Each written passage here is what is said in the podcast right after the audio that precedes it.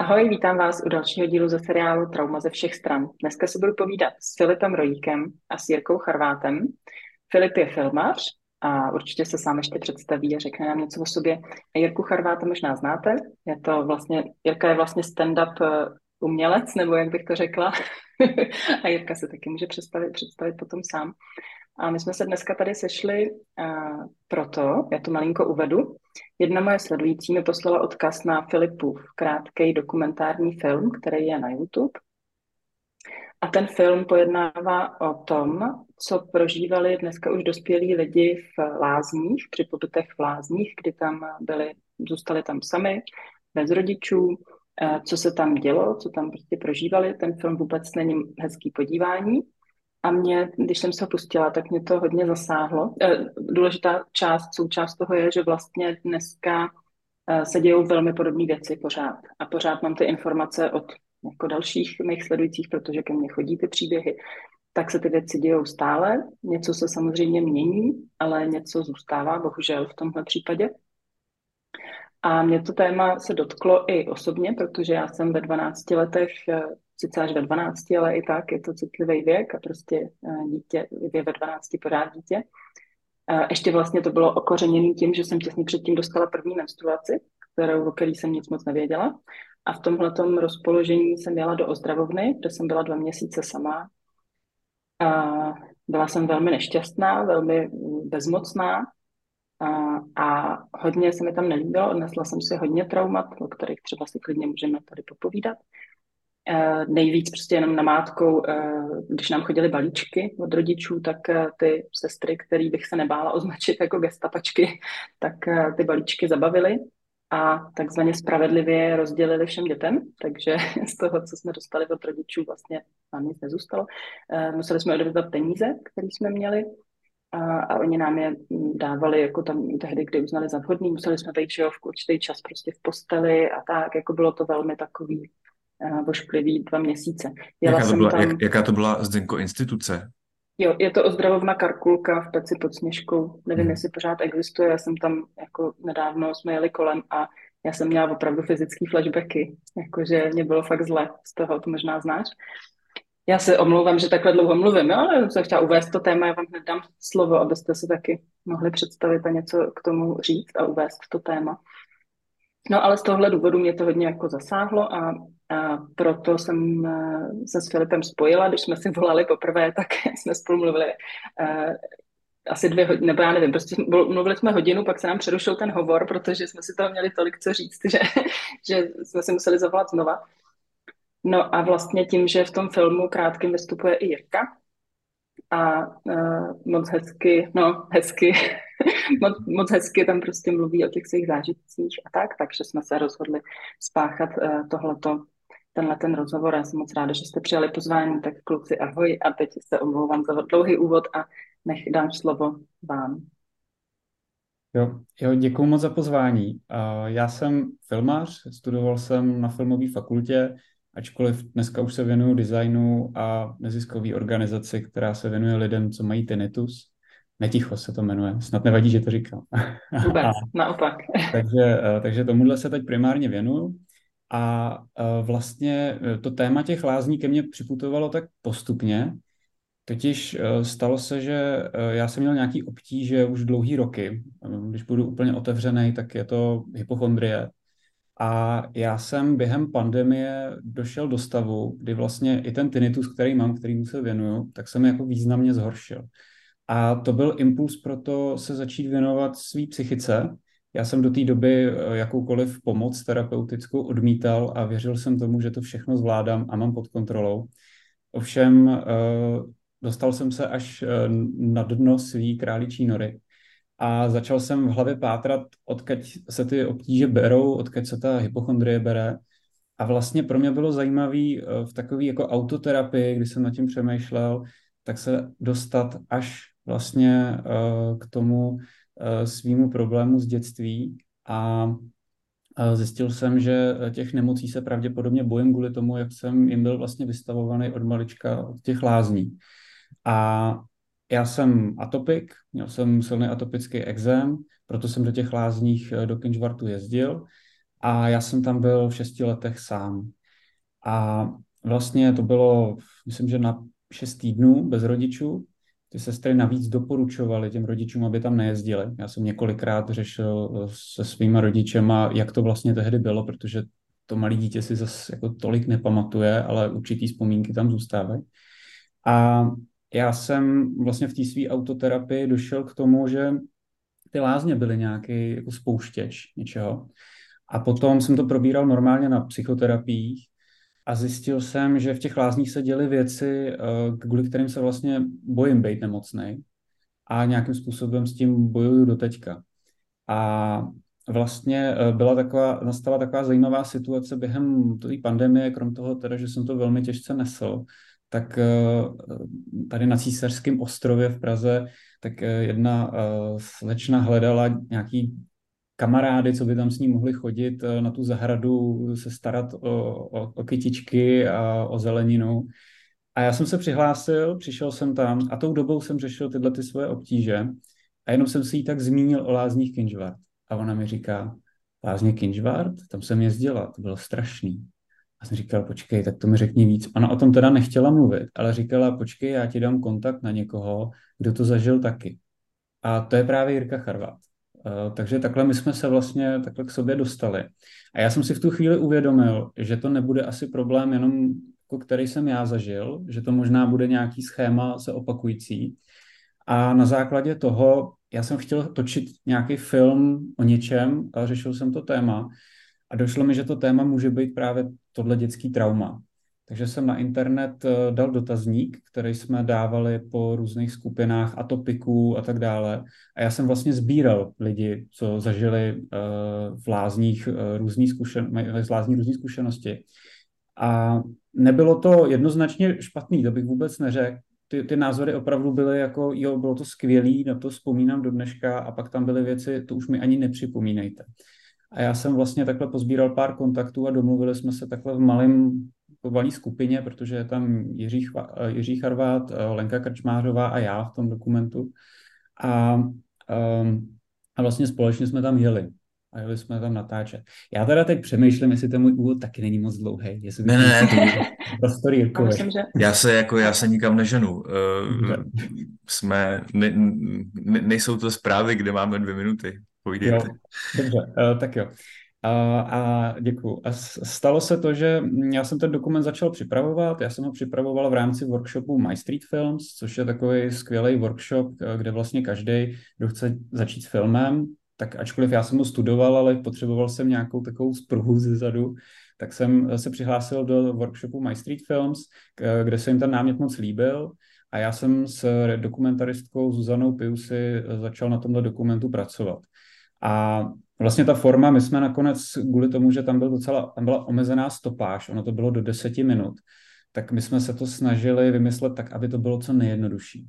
A vlastně eh, ty příběhy, co mi i Jirka po telefonu říkal, i, i Lenka Krčmářová, co mi říkali, tak byly tak silný, že jsem si říkal, já nemusím vymýšlet nic extra, ono stačí, když to ty lidi řeknou. A důvod, proč jsme jeli natáčet do toho Kinžvartu, byl ten, že uh, já jsem chtěl vlastně, aby jsme si tím prostředím něco připomněli. Já jsem totiž eh, byl na obhlídkách před tím natáčením, protože zajímalo, jak to tam vypadá. A mně samotnému se tam spustily uh, jako různé emotivní situace, nebo zažil jsem tam emotivní situace, kdy jsem prostě přišel na jedno místo a já jsem se tam jako rozbrečel. A já jsem přemýšlel pak jako proč tam brečím. A došlo mi jako co se kde jak dělo. A já jsem to měl jako vlastně takovou jako katarzní záležitost celý tohle, jo. A takže jsme, takže jsme tam potom měli společně natáčet a věřil jsem, že když tam pojedeme takhle eh, všichni fyzicky a ty lázně navštívíme, že, eh, že se tam nějak jako rozponmenem. A myslím, že to bylo důležité, že jsme tam točili jo, jako fyzicky v těch lázních. No a vlastně ten dokument eh, je jako velmi krátký, eh, vlastně jako z filmařského hlediska já ho ani jako nepovažuji za nějaký jako vlastně jako strašně zajímavý dokument. On tehdy v tom My Street Films workshopu eh, se dostal na online hlavu, takže byl na hlavě dokumentárních filmů promítaný online a dostal se na Da Films, což je vlastně takový Netflix pro dokumentární filmy. A vlastně se nic nedělo já jsem si myslel tehdy, že se ozve spousta lidí, jak se jim něco stalo, nebo že se něco bude dít. A nic se dlouho nedělo, ale pak mi začaly chodit e-maily od lidí náhodných, eh, kteří mi popisovali tu svoji zkušenost, že na ten film náhodou narazili na The Films a tam jsou jako neuvěřitelné příběhy. Jo. Tyhle ty příběhy uh, jsou jako soukromí, nicméně ty, ty aktéři mi říkali, jako, že kdybych jako chtěl, tak je možný je prostě někde uveřejnit. A uh, stalo se pak to, že já jsem ten dokument vlastně neměl ani na svém YouTube, ale pak jsem ho tam dal, protože jsem si říkal, no tak prostě tak, se na to někdo koukne. No a stalo se to, že jsem ho na ten svůj YouTube dal, tenhle dokument o zkušenostech z lázní, No a asi měsíc na to na mě přišla předžalobní výzva uh, z Lázní Kinžvart, abych ten dokument odstranil. Takže uh, jsem měl um, jako řečeno, že když do 30. září ten dokument neodstraním, tak uh, na mě bude podáno trestní oznámení a že se to bude řešit dál právně a, a že, že z toho budu mít velký problémy. Já jsem to samozřejmě řešil se svým advokátem, um, mám vlastně advokáta, který zastupuje filmaře, takže se pohybuje v tomhle prostoru a my jsme vlastně na tu předžalobní výzvu jejich reagovali. Myslím si, že ty um, vlastně to jejich a vlastně jako to co, to, co oni tvrdí, je, že uh, vlastně my poškozujeme jméno Lázní Kinžvart a tak dále. A ten dokument je, to jsou subjektivní naše příběhy a mě upřímně mrzí, že vlastně v té předžalobní výzvě se píše, že um, vlastně to není jako subjektivní, že to tak nelze považovat a tak dále. Že vlastně někdo jako spochybňuje, mám ten pocit, že někdo spochybňuje moji zkušenost z těch lázní a je mi to bytostně nepříjemný. A vlastně trošku to přirovnávám k tomu, jako ta, ta reakce těch lázní mě překvapila, um, protože přirovnávám to k tomu, když se sejdou dva kovbojové prostě někde v té prérii a teď ten jeden prostě vytáhne tu, ten, ten svůj kolt, tak uh, buď může prostě nevytáhnout kolt a jenom za mnou přijít a zeptat se mě na to, nebo vyjádřit svůj názor, pobavit se, zavolat si, taková jednoduchá věc. A mám pocit, že to, co se jako stalo, um, bylo, že, ten, že ta instituce vlastně ten kolt namířila proti mě a vystřelila mi vedle hlavy. To je předžalobní výzva. Předžalobní výzva stojí, slouží k tomu, aby člověka zastrašila. A moje cesta buď je ten dokument stáhnout, odejít z toho místa, leknout se, a nebo vlastně udělat to stejný. Takže já jsem vlastně šel tou cestou, že věřím tomu, že ten dokument neporušuje ničí práva. Ten dokument je o příbězích nás, kdo jsme tam jezdili. Myslím si, že máme právo v právním státě na to, aby jsme svůj názor vyjádřili a nevidím nic špatného na tom, že eh, něco, co se dělo, eh, takže je někde zaznamenaný a existuje to. Takže takhle představení toho uh, filmu. Samozřejmě, že tam je spousta témat kolem těch traumat a tak, ale to je jenom pro kontext uh, k tomu mm-hmm. filmu. Tak. A jak to vypadá teď teda? Teďka máme, dneska jsme na konci listopadu. A jak to vypadá teďka? Uh, zatím, zatím nepřišla žaloba. Ani trestní oznámení. Uh, ani, ani nic, nic se ne, zatím uh, nestalo. Uh, já vlastně upřímně nevím, um, kam to povede dál. Já bych byl strašně rád, kdyby uh, vlastně ty lázně, nebo přišlo by mi to jako asi jako reakce od nich, kdyby udělali to, že uh, by třeba jako na to reagovali trošku jinak, jo. Jako nás to mrzí, co se tam dělo, mm-hmm. ale tohle se tady už dneska neděje. Jo. Uh, zaráží mě reakce, stáhněte to a neříkejte to. Jo, to, to, to pro mě je prostě strašně šokující, že uh, ty lázně se k tomu postavily takhle a vůbec nevím, jaký je ten důvod a motivace. To hmm. absolutně netuším. A že se ani, že se ani jako nezajímají. No. Já bohužel a... mám jako velmi podobnou zkušenost eh, z mnoha jiných eh, případů, že ta reakce je prostě taková. Hmm. Takže teď, teď zatím uh, nevím a vy, uh, uvidím, co se bude dít dát dál. Nicméně mám trošku z toho ten pocit, že to se právě teď děje, to je ten náš rozhovor. Uh, říká se tomu Barbara Streisand efekt. Uh, když se někde něco stane a vy do toho začnete dloubat, tak ono se to začne vyjevovat lidem. A myslím si, že by se mi Zdeňko neozvala, kdybych já nedal na svůj Facebook příspěvek, že mě tady přišlo předžalobní výzva od Lázní Kinžvart. Myslím si, že takhle prostý to je. Tak jo, Jirko, co ty k tomu máš? Uh, já jsem tam byl taky v, v roce 88, ve čtyřech letech svých, na dva měsíce. A mm, Michalo to šrámy, no. Nevím, jestli máme už jako zabrušovat i přímo do těch samotných zážitků. Zabrušuj do čeho chceš, klidně, no. Já jsem jako ehm, řekla, že jsi stand-up umělec, ale nevím, jestli chceš říct Jo, vlastně, jo, jo. Uh, já jsem teda, uh, já jsem, já jsem tak nějak jako celoživotně živým jazykem. Možná to vlastně i trošku souvisí s těma lázněma kvůli tomu, že tam vlastně ten psaný text byl taková kotva vlastně komunikace s tou rodinou, od který seš odstříhnutá, takže vlastně ty, to psaní a dostávání těch dopisů bylo vlastně úplně jako highlight, který tě tam zachraňoval. Um, můj, můj, můj příběh úplně v krátkosti, ten jako ten dospělácký, uh, já jsem teda byl copywriter v korporátu, pak jsem vykouřil halucinogenní žábu, uh, nejsilnější psychedelikum, to mi jako začal jsem spochybňovat tak nějak jako um, já a ten model světa, který tady jako běžně si vyprávíme.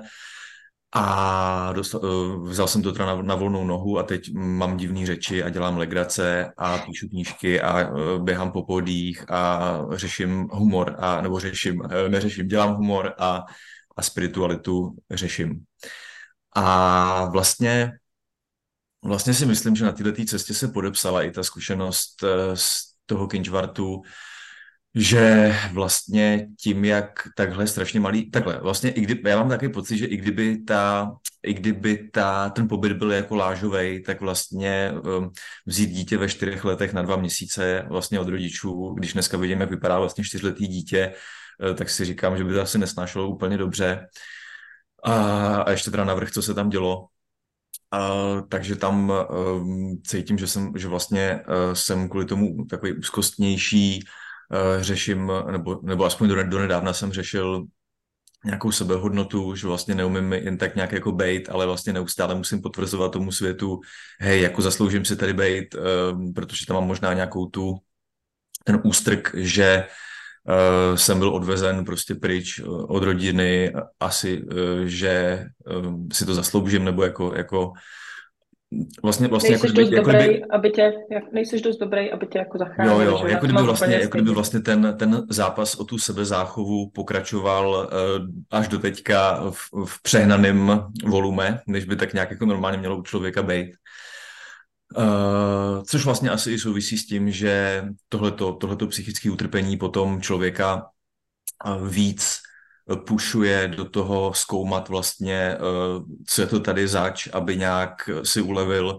A to vedlo asi pravděpodobně nejspíš eh, k to, i k tomu, že zkoumám teda, co to je to já, abych vlastně ty programy prohlídnul a přestali mě tak moc šikanovat, ale abych vlastně rozhrnul ten závoj té iluze eh, vlastně v té neurochemii zasazený a nějak se jako do toho, svobod, do toho světa nadech svobodnějc a jako víc uh, jasno zřivějíc, bych tak řekl. No, tak to je moje, to je, to je moje škatulka. Jo, super. Tak můžeš klidně pokračovat v tom, co jsi začal říkat předtím. Uh, jo, uh, je to teda, zazní to i v tom dokumentu, který je teda, bude asi šestkrát kratší než tenhle rozhovor, ale to nevadí. Uh, já, já, já jsem měl vlastně, uh, já jsem neměl, vlastně exem taky trošku, ale um, hlavní téma, uh, proč jsem tam jel, byl uh, astma a alergie, to se tam, to se tam léčilo. A vzpomínám si, jak vlastně už při odjezdu jsem se schovával pod postelí jako a třásl jsem se strachy a doufal jsem, že mě nenajdou, abych tam teda nemusel odjíždět. Um, Pamatuju si, jak jsem vlastně dostal uh, od táty takový malinkatý plastový rádíko modrý, abych vlastně, když budu usínat sám a nejsem na to zvyklý, tak abych vlastně uh, poslouchal nějaký prostě hlasy nějakých reporterů, nějaký mluvený slovo. Uh, to, jsem, to jsem teda poslouchal. Uh, a pak teda jako ty nej, nej, nej jako divnější věci, co se tam děly, bylo právě, jak si říkala, i, i, i v té pábovce, nebo jak se to jmenovalo. Tady byla prostě večer... Jak, jakže, jakže? Karkulka. Jo, karkulka, karkulka. Um, v Karkulce. Um, večerka byla prostě nějaká strašně pevně daná večerka, nevím, jestli, myslím, že v 9 hodin. Od té doby se prostě nesmělo vyměšovat. Prostě ano, nepustili, tě, nepustili tě prostě ani na, na chodbách vlastně ty sestry hlídkovali, seděli tam v takových, v takových uh, křeslech a kdo vyšel ven, tak prostě dostal za uši. Takže my jsme byli nuceni vlastně čůrat eh, tam za skříněma přímo v tom svém vlastním pokoji. Na kálení se nepamatuju, to asi se nedělo. A to, to ani vlastně ani nechápu, jak je to možné, že se to nedělo, mm. ale nespomínám si. Um, uh, potom um, třeba když uh, jsem si jednou brnkal na spodní red při poledním klidu, tak mě vytáhli z postele, osprchovali mě studenou vodou, vrátili mě zpátky, zpátky do postele. Uh, pak takový ty rutinní věci, jako fronta na stříhání nechtů, uh, kde že děti, malí děti si nemějí stříhat nechty, takže máme, uh, vlastně pamatuju si, že, že každý měl ještě na každém svém kusu oblečení a každý svý osobní věci vlastně vyrytý číslo podle toho, kolikáte je v abecedě. Já jsem měl, tuším, že trojku, takže na, na takový tý krytce na kartáček, prostě vyrytá trojka na každý, vyšitý na každém tričku, tak v tomhle pořadí jdeš na stříhání nechtů, takže prostě dlouhá fronta dětí, ty sestry se s tím necrcají, takže ti prostě šmik, šmik, šmik, ty prostě tři, tři prsty ti krvácejí, ty na to koukáš a zase jdeš, zase jdeš do postele. A pak jsem tam chytil neštovice, vlastně, takže vlastně to je taky jako taková událost, který je docela fajn, když je někdo blízký, což teda nebyl. Takže jsem byl v karanténě e, s ostatníma dětma. E, teď e, si pamatuju, to si pamatuju hodně živě, jak se jako zhasne, že se teda jde spát. Teď lidi, děti mají na sobě takový ty svítící body od té mastičky, že jo, nebo svítící, prostě, prostě v tmě je to bílý, takže to jako vidíš. Teď se jako zhasne, ty tam ty, ty ostatní hlasy těch dětí v té karanténě jako sténají a brečí, že, že chtějí maminku a tatínka, ty tam vlastně jako usínáš do tohohle, do tohohle jako, jak to říct, um, jako tu, nebo prostě uh, zoufání si. Uh, potom přišel Mikuláš, bylo tak hrozný. Přišly že vlastně dvě obrovský vysoké postavy, prostě proto čtyřletý dítě Mikuláš a čert. Mikuláš do jídelny. Teď Mikuláš měl prostě pytel, z kterého koukali uh, dětský sněhule, jakože nějaký dítě už vlastně jako odnes, tak na, na něj koukáš a máš říkat básničku.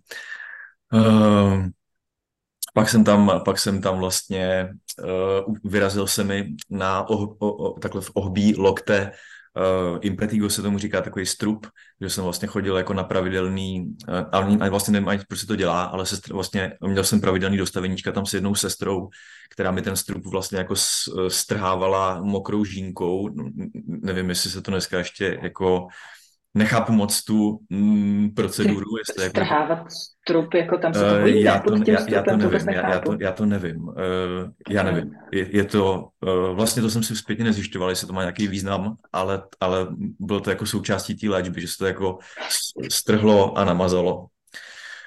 Uh, no a to, to, to asi tak nějak stačí. Vlastně mhm. pamatuju si, že tam byla, že, že tam byla vlastně jediná, jediná taková světlá stránka, že tam byla paní vychovatelka, která měla na starosti vlastně odpolední program, eh, což byl vlastně nějaká jiná pozice, než byly všechny ty ostatní sestry. Tady ta prostě byla nějaká jako, tam jako měla vníst tu kulturu a tu, eh, tu zábavu a ta byla teda skvělá. Tam ta, ta s náma prostě ta, ta nás rozdělila do tří týmů a byli jsme eh, tři lodě Krištofa Kolumba, prostě nějaká ta Pinta, Santa Maria a nevím, co to třetí bylo. Mě, tak to bylo mě, fajn. A to byla teda to bylo takový jako, jako, za, za, jako takový záchytný bod v tom, v té hrůze. No. Hmm. No, to je hustý, no, i kdyby půlka z toho se, už jenom jak říkáš, no, i kdyby to vlastně bylo skvělý a čtyřletý dítě najednou odtrhneš od rodičů, ono nechápe, proč, co se děje. Ale tohle teda mě úplně láme srdce, když to slyším.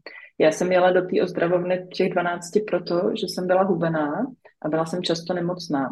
Takže uh, pediatrička, mo, moje matka jako v dobrý víře věřila pediatričce, pediatrička řekla, šlete jí na dva měsíce prostě tadyhle do Krkonoš, takže v, to je v té peci pod sněžkou, v té karkulce Já jsem byla březen, duben, myslím, v zimě, takže jsem přijela hubenější a nemocnější, než když hmm. jsem tam jela. Takže ani z tohohle medicínského hlediska to nemělo vůbec ten efekt.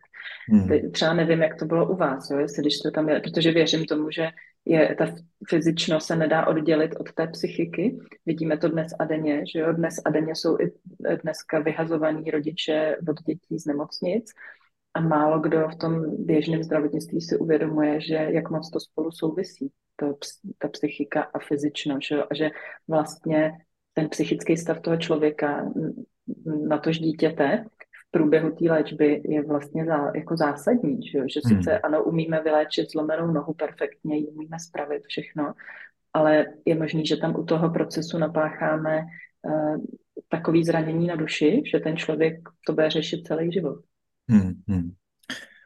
Uh, vlastně, jak, hm, vlastně jsme jenom připomněla, ty, ty léčební procedury se tam samozřejmě děly, ale připomněla jsme jenom, že rodiče tam byli na návštěvě jednou v polovině vlastně po tom měsíci a zrovna nás načapali uh, v tu chvíli, kdy tam vlastně uh, ty děti byly nahnaný na chodbu a zametali jí.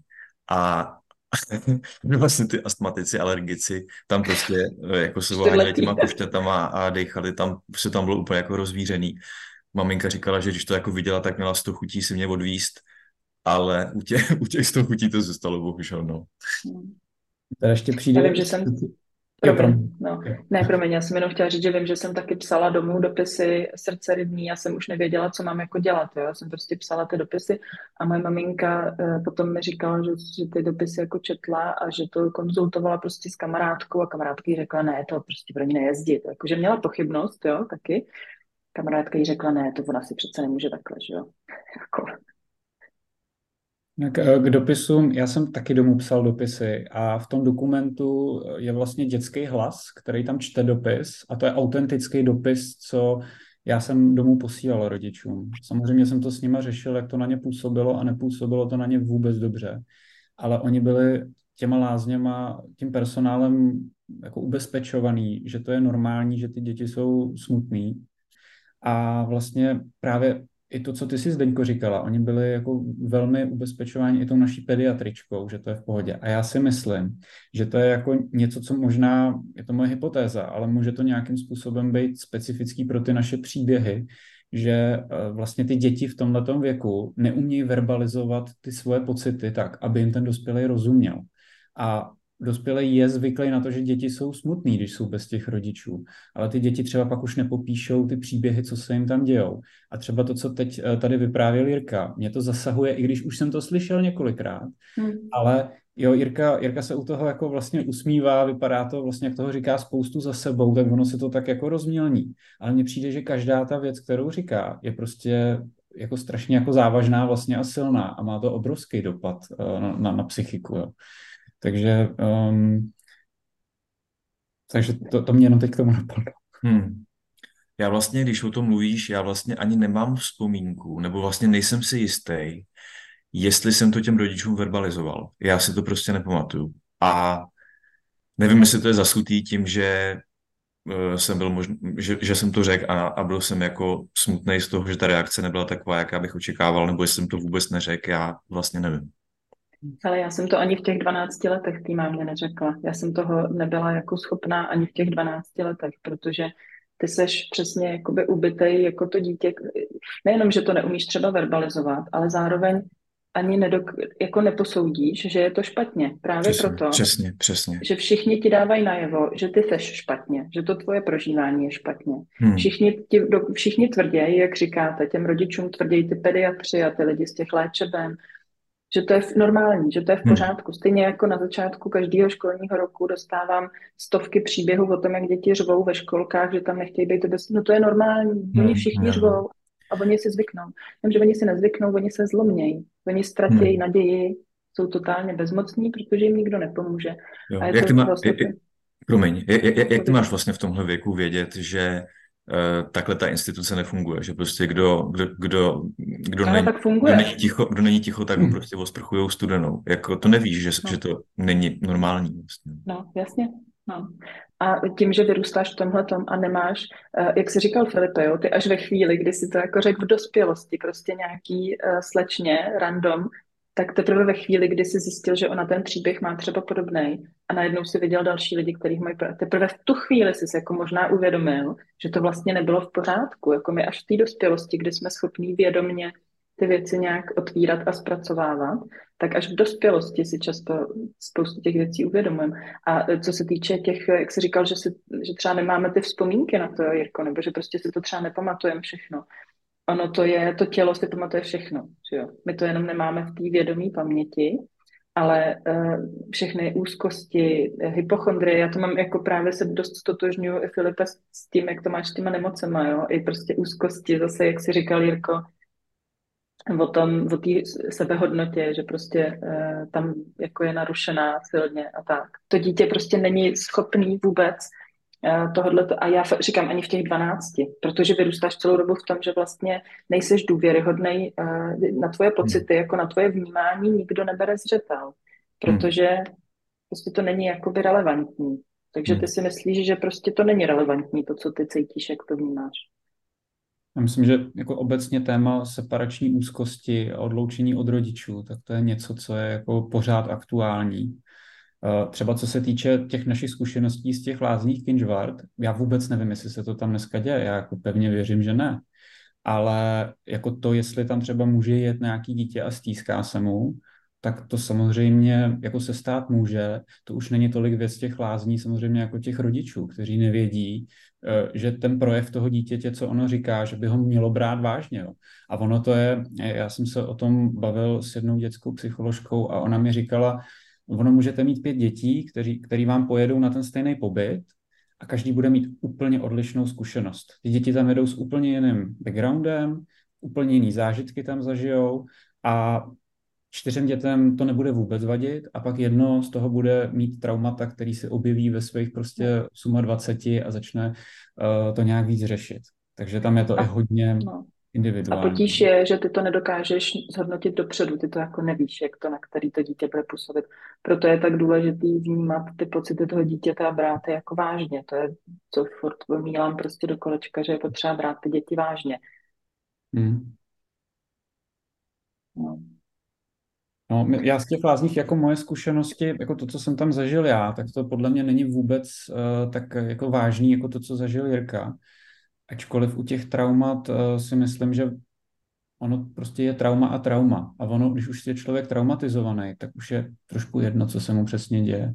A no třeba no. já vím, že jako já jako malej, tak já jsem byl poměrně fixovaný uh, na své rodiče a odjížděl Což jsem, je normální. Což je většinou jako normální. vlastně eh, stalo se, že eh, já, já si tam vybavuju několik momentů. Já, já mám tady takový bloček, kde jsem před tím natáčením těch film, toho filmu jsem si dokonce nakreslil ty situace, protože já mám hodně vizuální tu hlavu, projevuju se Jirka, Jirka tím slovem, já tím obrazem, takže já si to pamatuju hodně ty obrazy. Takže jsem si to tady kreslil. Tak před tím natáčením jsem si dělal jako přípravu a udělal jsem si takovou jako autoterapii, kdy jsem se vlastně ponořil do těch svých vzpomínek a procházel jsem si je a vybavoval se mi opravdu živě. Jo. Tady to je. Tohle, byl, tohle byl ten náš pokoj a já si tam pamatuju velmi silně, uh, třeba tam byly takové malinkatý skřínky, které se otvíraly, takže tam byla taková padací přední jaký čelo a ono strašně vrzalo. A my jsme právě večer museli být prostě přesně na tu večerku v té posteli a nehejbat se, nic nedělat. A já jsem byl vždycky taky jako neklidný dítě, já jsem hodně potřeboval pobíhat, potřeboval jsem jako energii někde jako ventilovat. To je taky normální, Filipe. Jo, uh, OK. já jsem si myslel, že ne. A, no. a, a právě uh, vím, že ty sestry uh, mě tam občas jako seřvaly za to, že jsem si maloval prostě pod peřinou a byl s tím strašný problém. Já si vybavu, že ty, Jirko, ty si zase poslouchal to rádíko, že jo? Večer. Jo, jo. A myslím, že ti ho zabavili, jestli si to dobře pamatuju, nebo ne? Uh, to myslím, uh, to si nejsem jistý. Uh, asi ne, asi ne. Asi ne, jo, já, já si už mám ty vzpomínky takový, jako uh, tady v tomhle tom, uh, to, v tom filmu, co kdo řekl, možná trošku popletený, ale co já si tady vybavuju, tak když jsme šli spát, tak si vybavuju to okno, jo. I v tom filmu přesně tohle okno je vidět a proto tam je záp, proto je tam několik záběrů na tyhle okna. Oni jsou zvenku zamřížovaný A ono samozřejmě, to dítě, aby nevypadlo z okna, to chápu, ono by možná stačilo vyndat tu kličku, že? ale uh, ten pocit, že je člověk za tou mříží a teď tam prostě venku zapadá to šero, já to mám jako strašně v hlavě zafixovaný. Jo, já jsem si představoval tu filmovou scénu, já jsem to původně chtěl udělat jako animovaný film, jak je tam to dítě, který začne brečet v tom pokoji. A vlastně kolem ní se ty slzy takhle jako uh, valej a vlastně ono zatopí tu místnost, kde jsou ty ostatní děti. A teď to dítě jako kdyby chtělo vyplavat od tamtať. A teď jako jede na té vodě k té mříži a tam mříž ho zastaví a ono nemůže jako odejít ani z toho prostoru, že i tam říš i na těch svých slzách vlastně neodejde, že mu je to úplně k ničemu tam brečet. Jo, tak to, tohle byla moje, takhle jsem si tu vzpomínku tady zakreslil, protože tohle mám strašně silně. Jo. On tam člověk je docela dlouho, já jsem tam jezdil na nějakých těch 5-6 týdnů a to prostě, to je dlouhá doba. No. Pak tam mám hernu no. e, zafixovanou. To byla herna, tam se večer pouštěly uh, pohádky to byla vlastně takový příjemný okamžik, kdy se člověk dostane z té reality eh, do nějakého fiktivního světa těch pohádek, ale stejně to mám obrovsky spojený s tím, jak tam seděla ta sestra a eh, vždycky, já si pamatuju, že jsem jim vždycky masíroval záda těm sestrám. Jo, oni to nechtěli, ale jako byli rádi, rádi, když jsem to dělal. A některé ty sestry byly strašně fajn, jo. To já nemůžu říct, že celý ten personál, to podle mě bylo selhání pár jedinců, jo. To, uh, ale pamatuju si tam tudle a pamatuju si, že pak jsme potom šli dolů do jídelny, dostali jsme vždycky banán a chleba s máslem a pak jsme šli si vyčistit zuby a spát. A já jako fakt, když teď mám ten chleba s máslem a vezmu si k tomu banán, tak já mi to úplně vrátí do těch lázní. To je prostě strašně silná vzpomínka. Tak tam mám vzpomínku tady na tuhle tu chodbu. Ta, ta v tom filmu je vidět taky. To je vlastně úvodní scéna. A tam ten hlas říká, každý Ráno nám tady měřili teplotu a kdo měl zvýšenou, tak šel na izolaci. Tak to fungovalo tak, že jsme tam seděli na takových těch lavičkách, co asi známe všichni ze školních tělocvičen, eh, ze základních škol. A tam jsme všichni dostali ty rtuťový teploměry, tam vždycky sklepávali takhle ty sestry. Já si pamatuju úplně ten zvuk jedné sestry, ona měla takový kovový hodinky a nějaký náramky a teď jí to prostě hrozně jako klepalo. A pamatuju si fakt ten zvuk, a oni to sklepali, teď nám to dali, pár dětem to vždycky spadlo, takže všude rtuť prostě, jako to, to se tam dělo docela pravidelně. A já jsem, a tady si myslím, teď se vrátím trošku na začátek k těm svým strachům z těch nemocí. Já jsem měl prostě strašný strach, že budu mít zvednutou teplotu o trošičku, že jakmile člověk měl 37 nebo 36, prostě 9, tak, tak šel na izolaci. Takhle se tomu říkalo, těm pětiletým, šestiletým dětem prostě půjdete na izolaci a já jsem se tam samozřejmě dostal a uh, to je prostě místnost, kde je člověk jako furt sám celý den vidí z okna přes ty mříže ty děti si tam hrát venku, nemá v tu dobu nebyly jako internet. Internet jako tam už byl zavedený tehdy, vím, že tam zavedli optiku, ale to, to, to táta posílal jako e-mail, možná jako dva e-maily poslal a byl to jako strašný zázrak technologický tehdy. A jenom tam bylo jako to spojení tím telefonem a dopisy ale jinak nic jiného. Ten člověk opravdu byl jako odříznutý. Takže na x týdnů je člověk odříznutý od rodičů a teď je v té své skupině těch dětí a teď je odřízl ještě z téhle skupiny dětí. Jo, takže já si myslím, že moje strachy jako z nemocí mají jako docela jako zjevný takový jako hmm. nějaký jako zdroj tady. No, uh, pak tam byla taková skříň na té chodbě a tam bylo erární oblečení. Jsme právě nosili, protože nás večer vždycky napatlali takovýma mastičkama, uh, který, když jsem teda v těch lázních teď byla, bavil jsem se tam s jednou sestrou, byla strašně milá a sympatická. Jo. A ona mi říkala, jo, vás ještě mazali těma, no to už se nesmí dneska, to se ví, že to je, to, to je možná i karcinogenní, nebo co to říkala. to byl nějaký dehet, nebo já nevím, co to bylo, něco, že to bylo s dechtem, nebo, ale to bych kecal, hmm. fakt přesně nevím, já nejsem doktor vůbec, ale uh, říkala, že se to nedělá a, a říkala, jako, že, že prostě už to dneska vypadá jinak, jo, že prostě se ty věci změnily, takže jako je to lepší, ale pamatuju si právě ty erární věci a přesně to oblečení, to naše, tak mělo vždycky ty nášivky s těma iniciálama, čí to je to oblečení, uh, protože tam se to prálo ve velkým, tam se to vždycky naházelo na takový uh, bílý vlastně pláty textilní a tam se naházely hromady těch oblečení, pak to šlo nějaký centrální pračky. Ono to je vlastně jako logický, jak by to tam jinak měli dělat. Na druhou stranu to člověka hrozně jako otosobňuje. Jo? Je to, já už jsem potom jenom FR, to, to, to jsem já. A, pa, a hlavně pro mě tohle mělo obrovský, to byl obrovský symbol, protože předtím, než jsme odjížděli, jak Jirka říkal, že se schovával pod postel, tak prostě ve mně zatrnulo, jak jsem viděl, že máma doma našívá ty nášivky a píše tam tím liháčem tu, tu, ty moje iniciály. Hmm. A prostě pro mě to bylo jako traumatizující už ještě než jsem odjel, protože to člověk věděl, že jede pryč. Já jsem to, hmm. jako pro mě, já jsem tam jezdil na letní prázdniny, místo letních prázdnin, kdy se jako běhá venku s kamarádama, tak já jsem jezdil do lázní, takže já jsem se na letní prázdniny teda jako úplně netěšil. Mě k tomu ještě napadá... Který to byl rok? Promiň, jenom řekněme no. si, který to byly roky. Já jsem tam byla v 92. teda. Jo, já, Jirko, klidně řekl. Já jsem 80, já jsem tam byl 88. Jo. A já jsem tam byl kolem roku 2000, myslím, že to bylo jako někde kolem toho přelomu. Já mám za to, že to byl 98. 99. Já jsem tam byl několikrát totiž, takže... To je celkem nedávno. Jako. Takže, hmm. no, ale už je to 23 let. Tak... Ježiš, no jo. Hmm, mě, právě, mě právě o tebe, Filipe, vlastně šokovala ta informace, že tam je takový rozestup vlastně, že já jsem předrevolučně tam byl a tak jsem si říkal, že se něco změnilo. Já jsem byl vlastně úplně jako první, mě spadla brada, že o deset let později jako víceméně podobný, nebo no, no prostě podobný zážitek. Hmm. A ještě mě k tomu napadá, jak vlastně pro čtyřletý, šestiletý, notabene i dvanáctiletý dítě dva měsíce jsou úplně jiná doba. To je, to je nekonečně dlouhý pro to dítě, že jo? Hmm. No k tomu bych jako dodal ještě tady k těm k té chodbě. Tady eh, to, to zazní v tom filmu. Tady vysel takový metr a co se používá na vojně. A tam byly čísla, což byl ten odpočet, kolik dní jsme tam měli být. A ty sestry to stříhaly. Každý ráno měli takové nůžky, vždycky přišli a stříhali. No a když jsme zlobili, tak nám řekli, no stříhat přestáváme, protože jste zlobili, takže nikam nepojedete. Jo, a nebo nás pak strašili tady nahoře, že půjdeme tady na půdu, že nás tam uh, zavřou na půdu. No.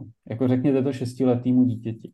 Jako dospělej pochopí, no je to blbost. Jako teď pojedete domů, protože pojišťovna víc neproplatí, no teď nezavřou vás na půdu, protože to je blbost ale to šestiletí dítě hotá toho dospělého, tam prostě ta, ten princip té autority je jako obrovský. No hlavně ten dospělý má nad tebou absolutní moc. On, když by to chtěl mhm. udělat, kdyby tě tam chtěl zavřít, tak on to velmi snadno udělá. Hmm. A ty nevíš, jestli to udělá nebo neudělá, mhm. protože ta moc jako je v jeho rukou nad tvým hmm. životem totální.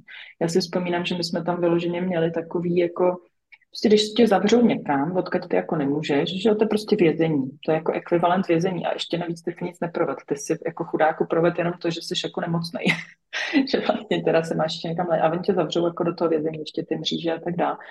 Takže my jsme tam měli takové ty partičky, jako teď do toho samozřejmě tam probíhaly nějaký šikany, jako i, i ty děti mezi sebou, že jo, se tam jako nějakým způsobem museli srovnat.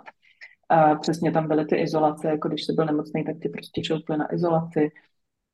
Ale teď tam probíhaly různý, jako s tímhle kamarádím, s tímhle nekamarádím, ty jsi prostě hnusná, ty jsi, já nevím, takováhle, jo, že i, tam, i ty děti mezi sebou prostě si tam, anebo jsme si tam fakt jako udělali i takový jako přátelství, že prostě že, že jsme si jako schovali kousíček čokolády a pak jsme si ho rozdělili na tom pokoji na miniaturní kousíčky, aby jsme jako měli každá aspoň kousek. Hmm. No k té čokoládě to, to hned, hned to jakoby navazuje na moji, moji další stránku. E, to byla jídelna. A v jídelně si pamatuju, tam byly takové dvě poličky a právě o tom mluvil už Jirka, to jsou ty balíčky. To je, to je ten jediný hmm. kontakt prostě s tou rodinou, ten fyzický. A já jsem právě čekal, jak na smilování, jak nám přijde prostě ten balíček a teď prostě každý já nevím, kolik, jako který den to byl, já to vůbec nevím ani jak pravidelně, ale pamatuju si, jak člověk tam sedí a teď oni čtou ty jména těch lidí, co tam mají ten dopis nebo ten balíček. A teď si prostě představ, že třeba tam jako týden, dva týdny nemáš a teď tě to jako by mrzí a pak ti ten balíček teda přijde a ty ho nemůžeš mít jako na pokoji. Ne, ty ho máš tady s těma no, kostma tady, protože aby si to nesnědla, jako já bych to samozřejmě snět, jo, ono to jako nějaký smysl dává, ale je to prostě, je to nějaký jako silný symbol. Je to, je to, mm-hmm. je to ten kontakt s tou rodinou a ten si myslím, že i tady je prostě jako, jako narušený, jo. Já mhm. vůbec nevím, jak třeba takováhle věc probíhá dneska, jako to, to vůbec nevím, no.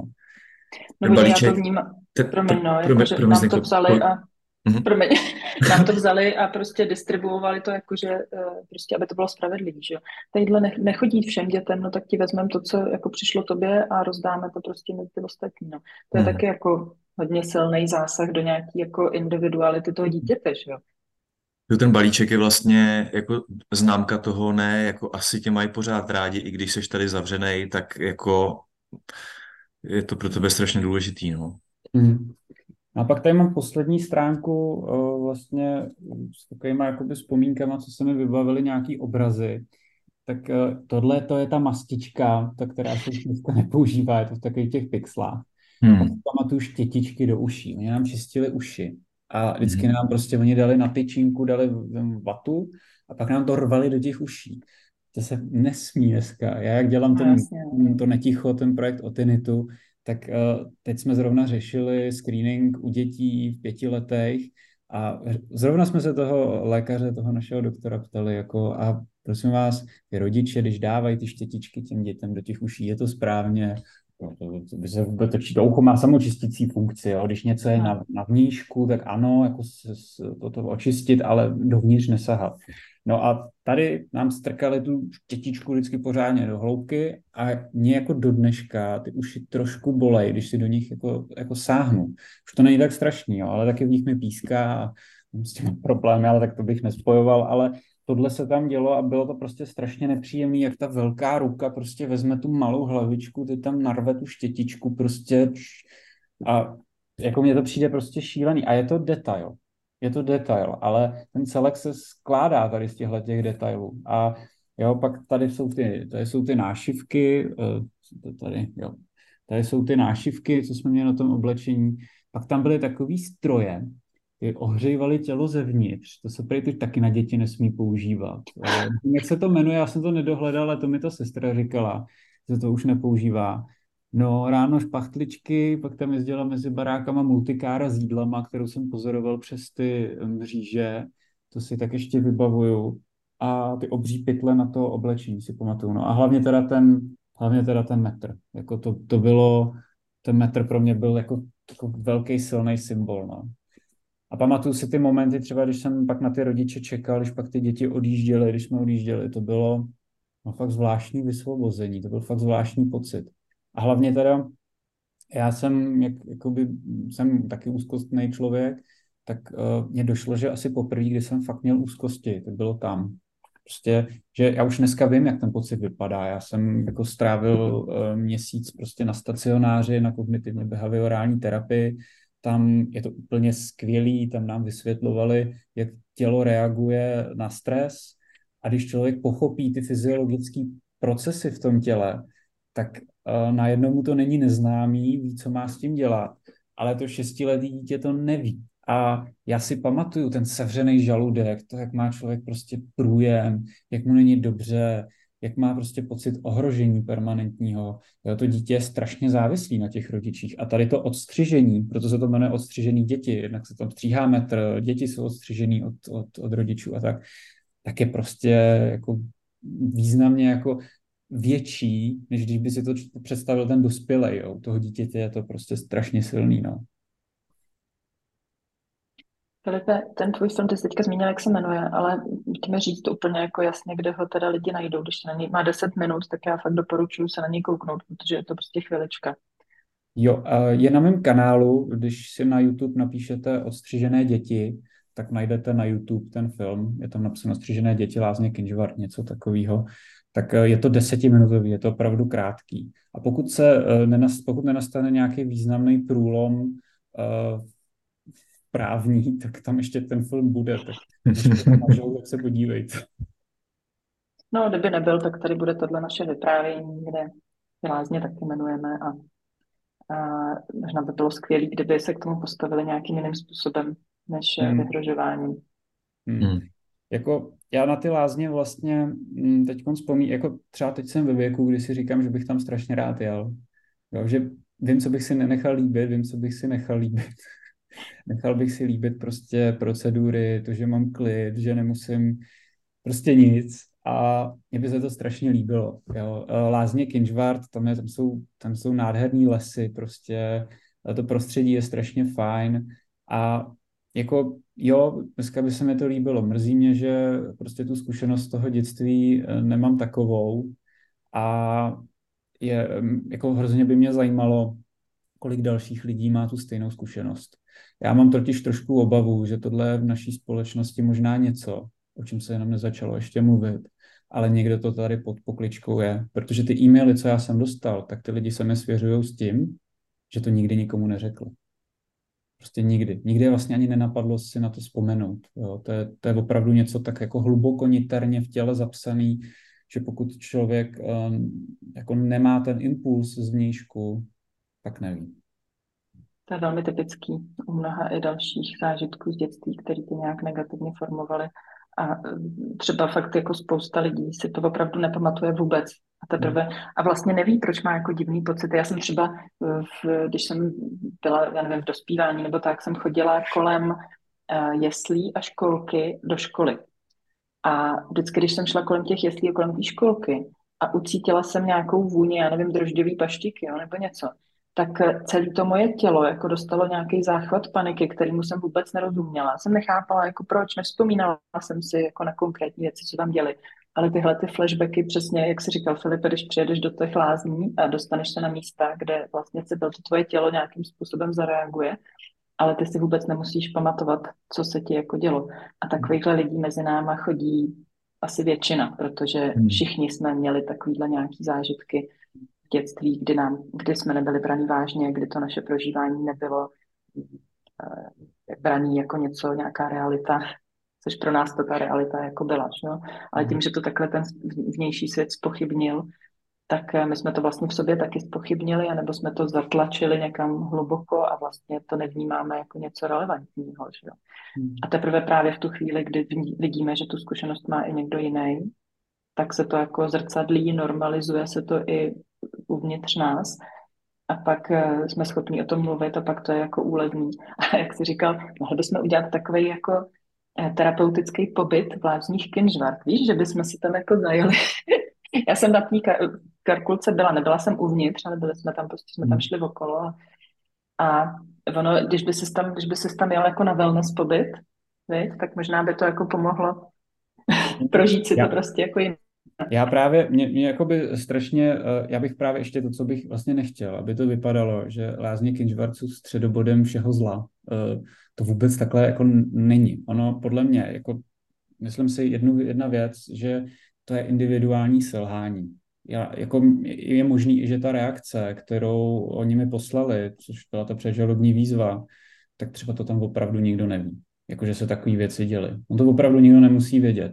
Uh, ty individuální selhání bývají jako silný a můžou být skrytý. Jo, takže, uh, takže to je jedna věc. Druhá věc je, že ty e-maily, co mi teda ale přišly, což je pravda, jako ty, ty v tom dotazníku a tak, tak se to netýká jenom těchto lázní. To se týká všech institucí, kde je dítě bez rodičů. To už je jedno, jestli to jsou lázně, jestli je to psychiatrie, jestli je to nemocnice. To se prostě týká všech. Ty lázně jenom jsou teď v tom, taky je v tomhle případě jako uh, tam vlastně náhodou tím, že jsem tam já jezdil a že tam jezdil Jirka a že tam jezdila Lenka. Jo, to, to je prostě jenom tím, že tam je ta moje zkušenost. Jo. Takhle to, to je takový příklad prostě za všechny. No. Já si hmm. sice rozumím tomu, že ano, selhání jako jednotlivců rozhodně, to je špatně. Na druhou stranu ten systém k tomu eh, selhávání těch jednotlivců přímo, jako mám pocit, jako vybízí, nebo je jako designovaný, jo? Jakože to, že vůbec je jako běžný a normální, že teda čtyřletý dítě pošleš někam bez rodičů a hmm. vlastně všem to připadá jako, že no tak řve, no jasně, že řve, ono se zvykne. Hmm. Tak to úplně jako není o jednotlivcích z mýho pohledu a, a to, že se to děje tolika lidem a dělo se to tolika hmm. lidem, tak uh, rozumím, že jako nechceme obvinovat prostě tady jednu instituci, hmm. ale právě proto si myslím, že je to jako systémový problém, protože se to děje prostě já jsem včera mluvila s paní, která přes 30 let pracuje v oblasti vlastně ohrožených dětí, na ospodu, ve zdravotnictví. Ospod je sociálka, na, ve zdravotnictví. Teď pracuje vlastně v organizaci doprovázející pěstouny. A tolik zoufalství jsem jako dlouho neslyšela. No, jako, že za těch 30 let vlastně ona jako říkala, tam se změnilo v těch zdravotnických zařízeních to, že jako tam mají vymalované stěny na žluto a mají tam uh, samolepky. Jo? a jako často se toho víc jako nezměnilo. Já v tom Takže, vidím, jo, no. promiň. Jako no. já v tom vnímám právě jako implicitně dvě témata, jo. Tam je totiž to, ty jakoby naše takový hrozný, strašidelný zkušenosti, co my máme z těch lázní, jako třeba to, jako jak Jirka popisoval v tom filmu Stříhání nechtu, kdy prostě krváceli mu tři prsty, když mu je stříhali, protože to bylo rychlé. Uh, tak to jsou, to jsou prostě strašné věci, které jsou, jako to jsou takové jako strašné momenty. A to je jedna věc. To si myslím, že už jako hraničí, nevím, jestli, jestli to je jako šikana nebo co to je, ale uh, to je jedna jakoby téma. Týrání dítěte. Nebo no, já nevím, jak se to vlastně jako správně nazve, no, ale no. Ta druhý téma podle mě je uh, potom ta účast toho rodiče tam. Jo? Ta, vlastně to odstřižení toho dítěte od toho rodiče, jo, že to jsou jakoby systémové věci. Tam to dělají jednotlivci a systémový je, že je možný, aby to dítě tam samo vůbec bylo. To, co se v lázních, v lázních, jako zákoně o lázních stalo, nebo o těch pobytech, je, že se ten zákon změnil a teď vlastně do těch lázní můžou jezdit děti bez rodičů až starší 6 let. Nevím, jestli to je včetně. Ale Myslím si, že to je pořád málo. Předtím tam mohly jezdit fakt hodně malí děti. A já jsem o tom mluvil se svojí psycholožkou, ona se věnuje hodně dětem a říkala, že spousta rodičů má zájem na to, aby vlastně jí napsali posudek, že to dítě tam nemůže být samo bez těch rodičů, což je většinou pravda, nebo jako je to vždycky pravda, hmm. protože prostě to tak je, ty rodiče ho tam nechtějí poslat sami. A oni potřebují tohle potvrzení ty, eh, ti lidé proto, aby to vlastně ta pojišťovna, myslím, potom proplatila. Jo, že ono to potom, jestli to ty rodiče museli hradit, hradit sami, ale je to docela drahý ten pobyt. Jo, a já vím, že kolem toho roku, eh, kdy se ten zákon měnil, tak lázně měli obrovský strach, že jim tam přestanou jezdit klienti, protože většinu těch klientů tvořili právě uh, ti dětští pacienti, co tam byli bez rodičů. No za mě ještě otázka, jestli skutečně ten pobyt jako pomůže natolik, aby uh, vyvážil vlastně to, jo, že to dítě buď tam bude bez rodičů, nebo že prostě tam dějou věci, které jsou mu jako nepříjemné, protože prostě ta psychika nejde oddělit od toho fyzična. Konkrétně astma, uh, atopický exém, to jsou věci, které přímo vycházejí z psychických jako z psychických psychického stavu jako toho dítěte, to ví každý, kdo ty exémy má nebo astma, jo, že prostě to závisí na tom, jak je na tom psychicky prostě, a že, že to opravdu je s tím spojený. Tohle je pro mě jako zajímavý, akorát v tom, že, uh, že já ten exém vlastně dneska nemám. A já nevím, no. jestli to těma lázněma, nebo to. Já si pamatuju, že kolem těch lázní já jsem ho měl jako hodně. Uh, jo, oni když teda na vás napadla někde kortikosteroidy, tak od vám ten exém zmizí, že zázrakem. Ale kortikosteroidy hmm. úplně asi řešení nejsou. Mně prostě to s pubertou nějak zmizelo. Jo, no, ale... ono, to, ono to často s pubertou odchází samo. I, i, aler, hmm. i alergie, i astma, i ty atopické exémy. Mně ještě napadá k tomu, k tomu individuálnímu selhání, tam je kdyby to bylo jako úplně individuální selhání, tak by se to podle mě nemohlo, nemohlo ani v podstatě dít, ale tam je problém, no, tam je problém té stádovitosti toho lidského druhu, že tam to, tam to vytvoří kulturu a je to tam norma pro ten personál jako takový, pokud se někdo nevzepře a my se neúplně rádi vzpíráme. Takže, tak, takže pak vlastně je to taková, pak to pokračuje v čase jako taková polosystémová věc, když teda tam přijede za, za deset let Filip a potká se s tím stejným, tak jak jako, jak jako individuální. No.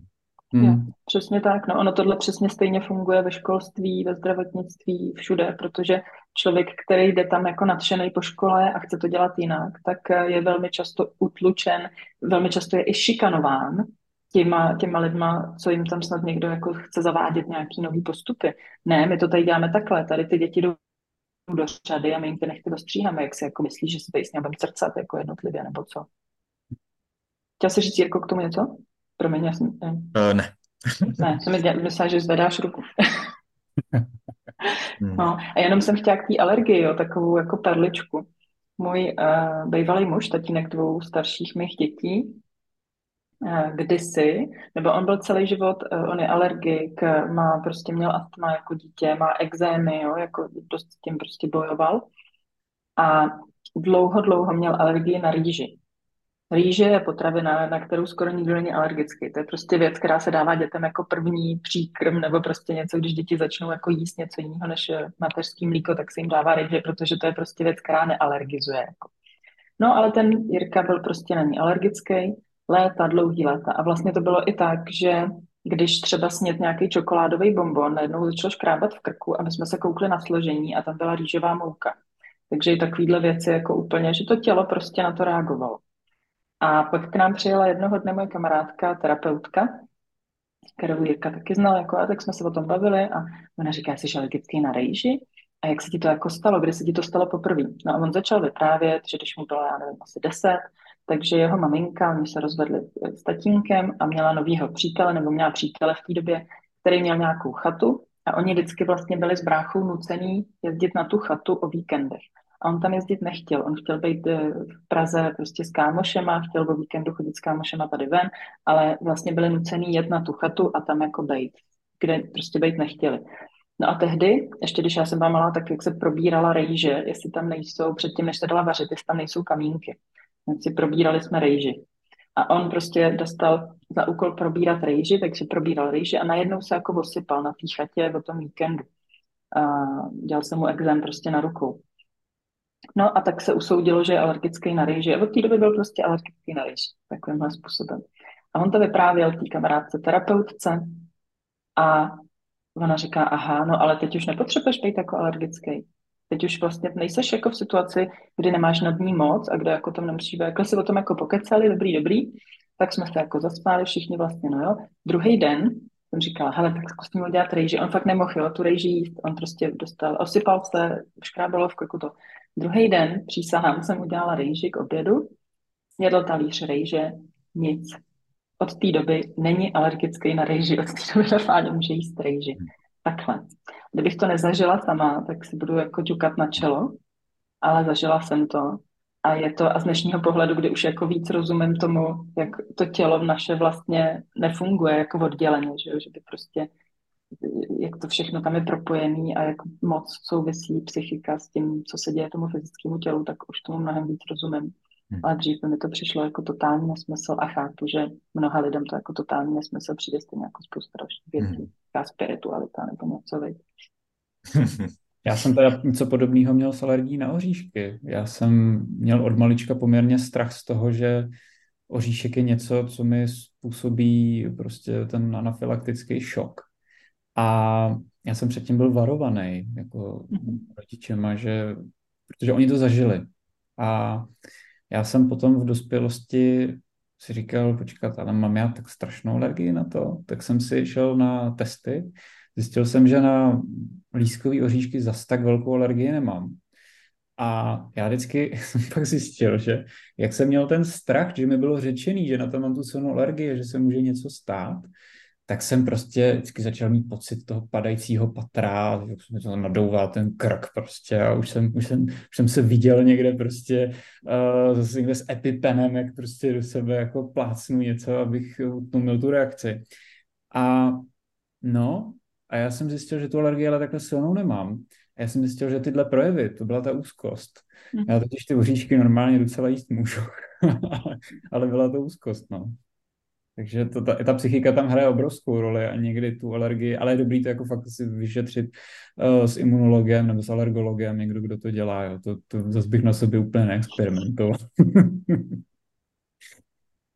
no a jinak uh, k těm lázním uh, ještě mě napadla taková uh, věc, že um, já jsem si to tak jako celý ten příběh, když jsem si ho rekapituloval pro sebe, tak já jsem si tam jel vlastně léčit exém, a místo toho jsem si odvezl trauma, který jsem si vyřešil ve svých 28, 29 filmem a tím jsem si pro sebe tento téma úplně uzavřel. To pro mě byla prostě konečná lázně a už neřeším. Ani na terapii, ani nikde vyřešeno.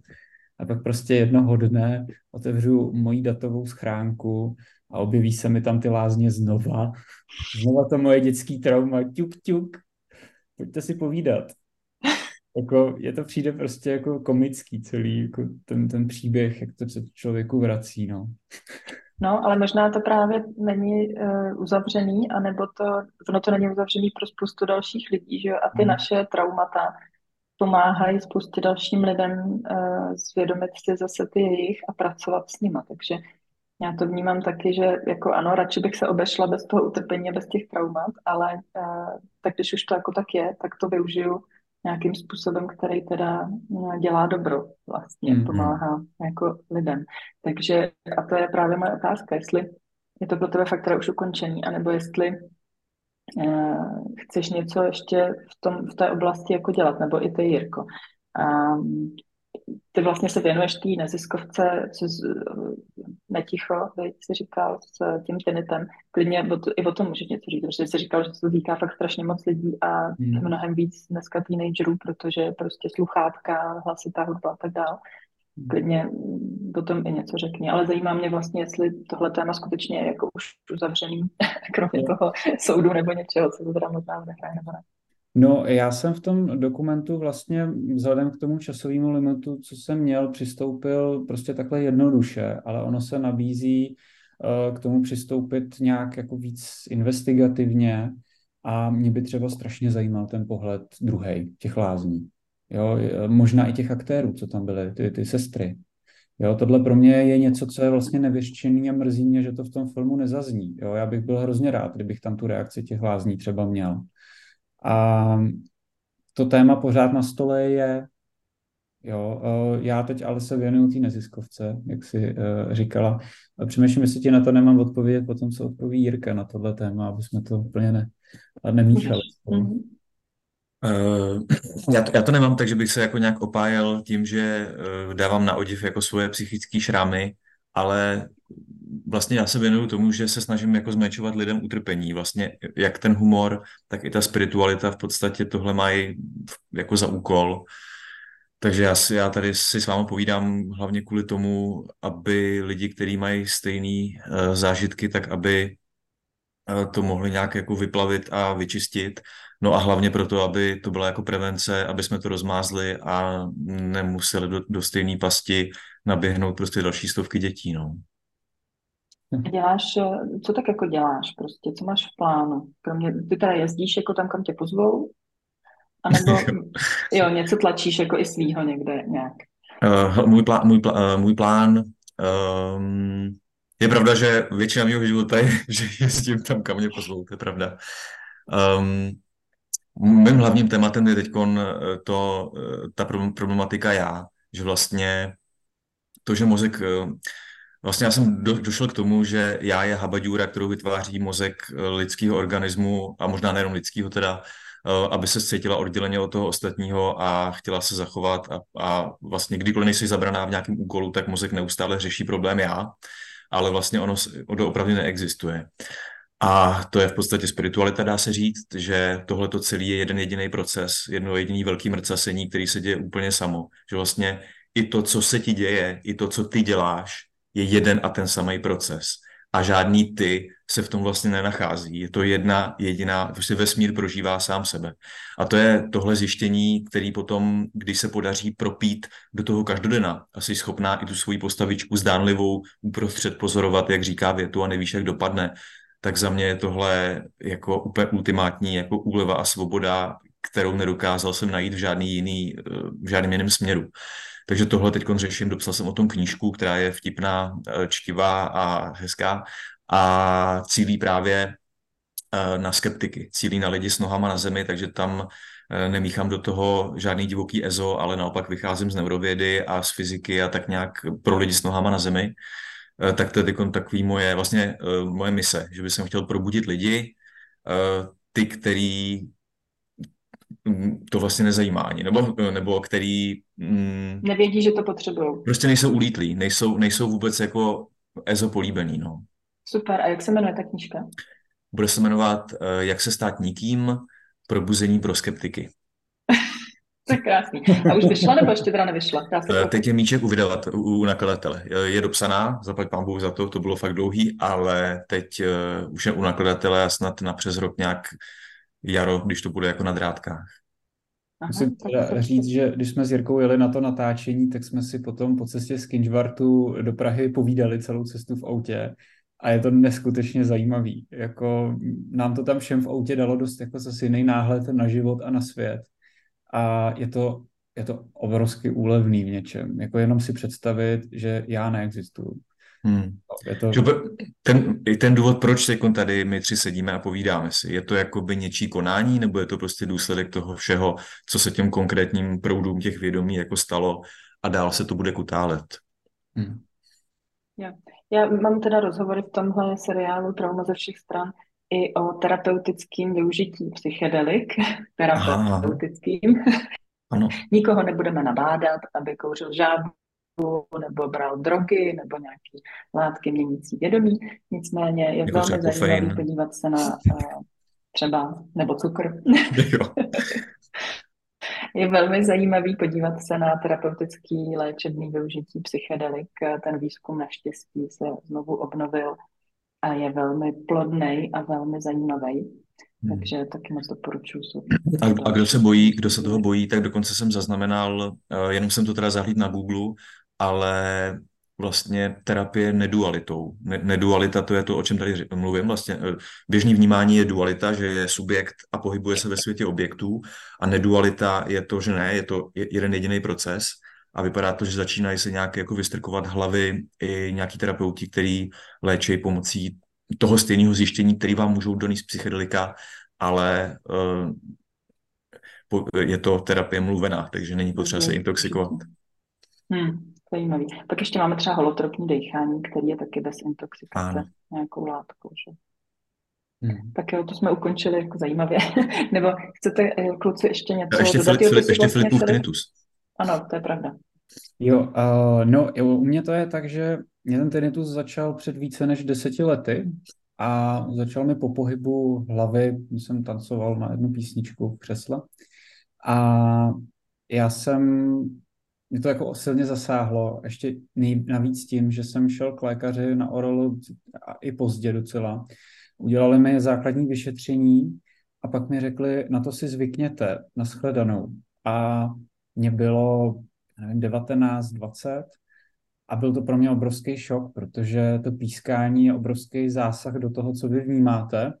Jsou jako ty naše základní smysly, prostě oči, sluch. A pokud se vám tam najednou zjeví nějaký tón, který vy nemůžete vůbec vypnout a prostě on tam s váma je, tak je to obrovsky nepříjemný. A, ale já jsem nevěděl, co s tím, takže jsem vlastně si zvykal. Jo. Já jsem neměl žádnou jako cestu, žádný rozcestník. A během toho covidu uh, jsem narazil právě na, to svoje, na tu svoji uh, jako noru a zjistil jsem, že přes psychoterapii že bych se tomu tinitu mohl začít věnovat víc. A jednak jsem teda objevil takový zjištění, že ten tinnitus je taková řeč mýho těla, který mi říká, že něco dělám špatně. Já jsem jako často hrbatý, jo, jak hodně sedím u počítače, jak, jako primární práce je počítač. Takže já jsem pochopil, jak ten tinnitus ke mně promlouvá, ale pro mě ještě bylo zásadní to, že jsem hodně mluvil s lidma kolem sebe a často jsem dostával tu zprávu, že já nejsem jediný, kdo slyšel, na to si, může, na to si musíte zvyknout. A vlastně ty lidi jsou vždycky, jako často se děje, že jsou takhle vypuštěný od toho lékaře takhle ven. Na obranu těch lékařů, jo, já, já to vnímám tak, že on tinnitus je jako jedna, jako, je to opravdu komplexní záležitost a řešení tinnitu není jednotný. Prostě na to neexistuje jednotná léčba. Takže těch cest je spousta, ale když tam máte tu čekárnu těch x pacientů a teď tam máte lidi s akutníma věcma, kterým víte, že opravdu pomůžete a pacient s tinitem potřebuje spoustu edukace, spoustu věcí a vy máte omezené možnosti, co můžete dělat, protože ta věda je omezená kolem toho, tak vlastně se pak děje tohle. A ten projekt Neticho tak eh, vznikl proto, aby jsme tuhle věc změnili, takže my chceme vlastně podporovat ty lékaře a dát jim například třeba leták nebo něco, co můžou dát těm uh, pacientům s tenitem, nebo lidem s tenitem, oni to podle mě ani nejsou úplně pacienti, to je prostě člověk, který mu píská v uších, tak uh, vlastně, aby se dostal k informacím. A my ty informace združujeme. My vlastně na stránkách máme uh, informace, které ověřujeme s lékaři, a jsou tam příčiny, jsou tam možnosti léčby. Teď s lékaři natáčíme podcast, mapa doktorů, kde si můžu najít specialistu. To teď teda ještě připravujeme, ale je to ta naše vize. teď zrovna v pondělí máme první podpůrnou skupinu, kde se potkají lidi s tinitem a můžou si o tom povídat. Podle mě teda podpůrná skupina pro lidi, co jezdili do lázní, by taky mohla fungovat. Rozhodně. Takže budeme mít podpůrnou skupinu, řešíme nějaký peer konzultanty, to znamená, že když člověk tím tinitem prošel tak a cítí se na to, že by rád pomohl někomu dalšímu, tak může. My na to budeme pořádat školení, kde vlastně uh, ty lidi dostanou ten základní jako info, pemzum informací o tom, jak s lidma s tinitem komunikovat. A pak chceme dělat osvětu veřejnosti, protože uh, o tinitu se málo mluví, a tinnitus podle nejnovějších studií, co se dělali celoevropský, tak eh, ho má každý sedmý Evropan. To je 65 milionů lidí. To je šíleně velký číslo. A protože to postihuje tolik lidí, ona to velká část těch lidí neřeší. A... To není možný, Filipe, to přece není možný, to je v procentech, to by bylo nějakých jako 15% lidí, nebo kolik se? No, jsou, ano, Přesně. Ale Jirko, jako když si dámeš sexuální zneužívání, to se týká každý třetí holky a každého sedmého kluka. Hmm. To jsou to číslo, prostě... To číslo je obrovský, oni se ty uh, čísla jako lišili, ale tohle je fakt první studie, uh, která byla dělaná tak, aby se udělal průměr v Evropě. Zjistilo se, v jakých státech je kolik toho, ten, to se to liší. Jo? Čím je to víc na východ, tím je tam větší prevalence. Tam je třeba až 30%. Jo? To je úplně šílený. A to, co je víc na západ, tam taková prevalence není. A jak to je? Jak je to možné? No, oni to v té studii vlastně jako říkají, že třeba to jako doskoumat, proč to tak je, ale pravděpodobně to je jako moje hypotéza, že prostě tam se na tu ochranu uší jako víc kašle a ty lidi to jako neřešejí třeba, jo, a nebo jsou to taky jako fabriky, dílny, jo, tam a to je to, co chceme říkat té veřejnosti, jsou to tři základní věci, co si pamatovat. Co si z toho odneste? Uh, jedna věc, když se vám to stane po koncertě nebo po tom, co pracujete s pilou někde na zahradě nebo cokoliv, tomu se říká akutrauma. A ve vojenské nemocnici v Praze, tak uh, lékaři přišli na to, já jsem teď zapomněl ty jména, takže se omlouvám těm lékařům, ale Eh, přišli na to, že pokud se tinnitus řešil u těch vojáků, co jim tam přišli po výbuších a podobných věcí, když se řešil do 24 hodin, tak byla 89% šance na zlepšení. Když se řešil o 8, 4, 8, 48 hodin později, tak se to snižovalo na o. Jo, takže čím dřív, tím líp.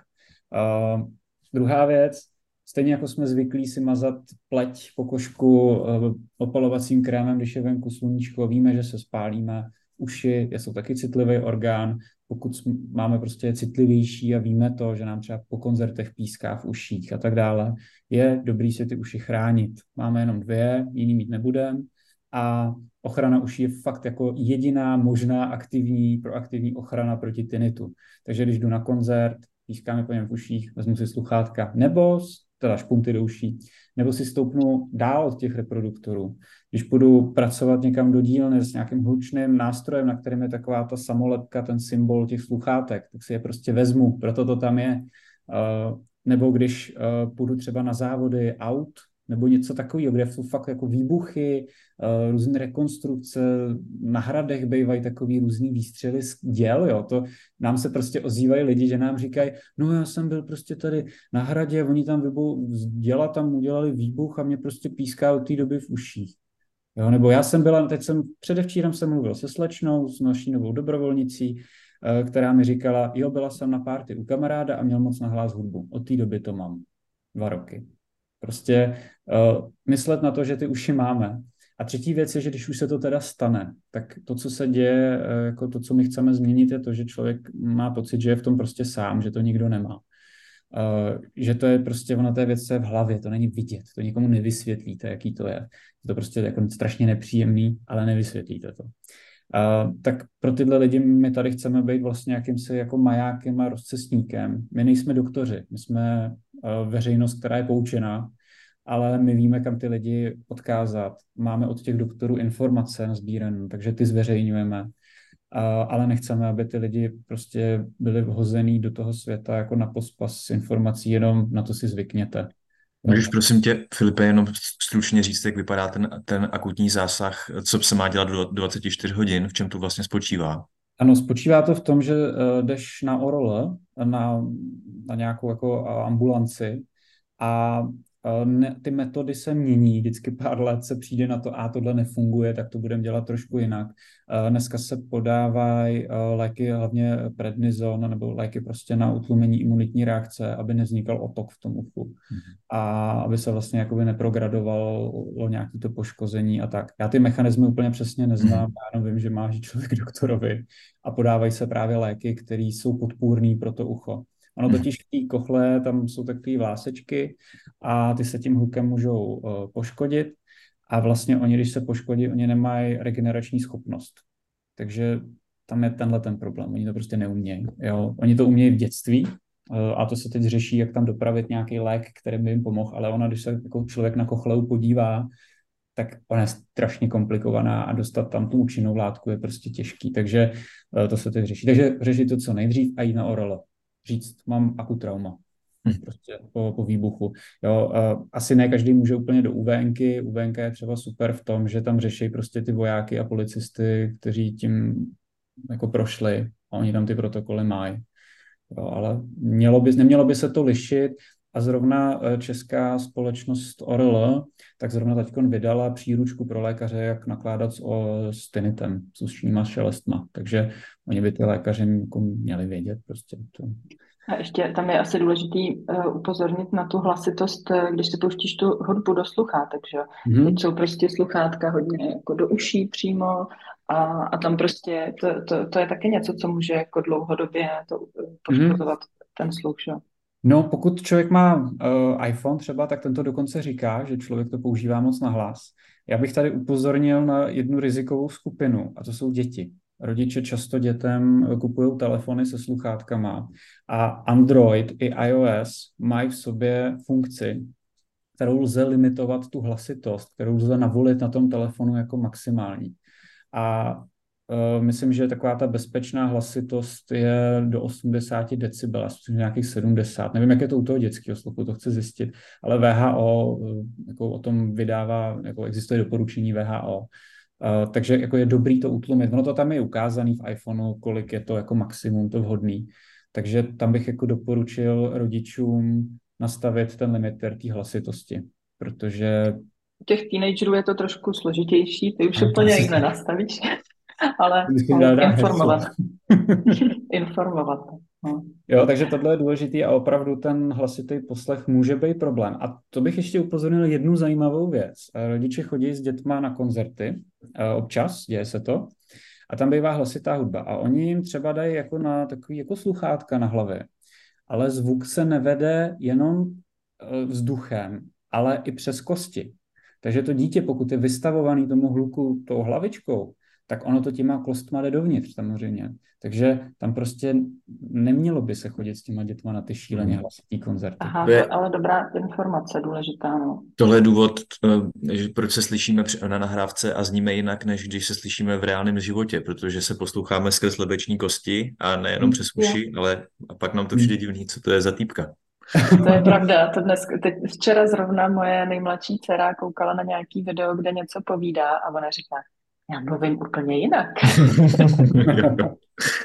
jo, a dokonce se vyrábí sluchátka, co toho využívají, že nemáte ten, ten reproduktor v uchu, ale je přiložený právě tady. Mm-hmm. To kostní vedení dokáže to rozvibrovat tu, uh, ten orgán, takže vlastně člověk to slyší, tu hudbu, ale nejde mu to přímo do ucha a má volný uši.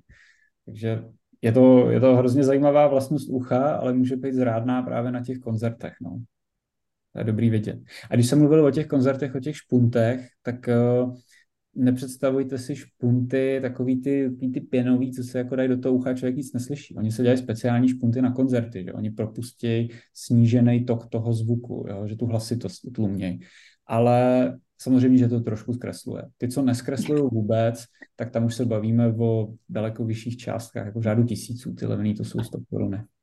Ne, jak jsme to spolu měli ten... já jsem to tady no, úplně... ne, jak jsme spolu měli ten hodinový hovor, že jak se podle mě tak půl hodiny jsme probírali druhy špuntů a fascinovaně jsme se spolu bavili o špuntech, které jsou, protože já zase potřebuji špunty na spaní, když je jakýkoliv jako hluk, tak eh, vlastně se budím a tak, no. Tak. Mm. Takže taky mám jako zkušenosti se špunty. No. Dobrý, tak jo, tak děkuji. Kluci, chcete něco dodat ještě na závěr? No, já bych chtěl asi pošťouchnout posluchače co, nebo teda diváky, co si mají počít, co si mají nejužitečnějšího počít, pokud mají zkušenost s tím stejným nebo znají někoho, komu se to stalo. Co, co udělat? Jak se Jo, já myslím, že to řekneš právě. no to já nevím, to, to já dávám jako do pléna. Jo, to je ale Jestli mají komu, komu mají psát, eh, jestli mají vůbec psát, nebo no. Filipe, no, Filipe, mají ti psát? No, jako takhle, mě píše, mě píše spousta lidí, promiň, mě píše spousta lidí se svýma příběhama, takže uh, samozřejmě ráda zveřejním všechno, co mi přijde, já to sbírám a dávám to na Instagramu ve výběrech, to je 9 tisíc příběhů a na mém webu taky tam to všechno jako já tam si to sbírám. Ale samozřejmě je to, eh, já jak se věnuju jako široký oblasti všech těch možných eh, traumat, tak těch příběhů jsou tam fakt tisíce a je velmi složitý se v tom trošku orientovat, taky pořád vymýšlíme, co s tím, eh, jak to nějak jako předat, že to screenshoty a jak to jako část těch příběhů je v té mojí knížce, ale jenom část samozřejmě.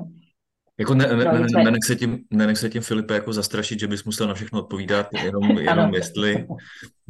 jo, jenom kdyby náhodou, tak prostě no. tohle je vlastně takový úzký téma a uh, jsem se na to jako ptala vlastně, no, jestli se, jestli se tomu nějak chceš ještě dál věnovat, jestli si ti ty lidi mají ozývat nebo ne. Ono by to vlastně jako bylo dobrý, ale nevím, co s tím teď, jako, hmm. jak, jak s tím naložit dál, ale hmm. Já jsem na konci toho e-mail, na to konci toho filmu je zveřejněna e-mailová adresa, kam ty lidi můžou ty příběhy posílat. Takže uh, tam je lze poslat ale já můžu vytvořit schránku lázně, zavináč baví mě to tečka je teda trošku jako, není to úplně ideální e-mail, ale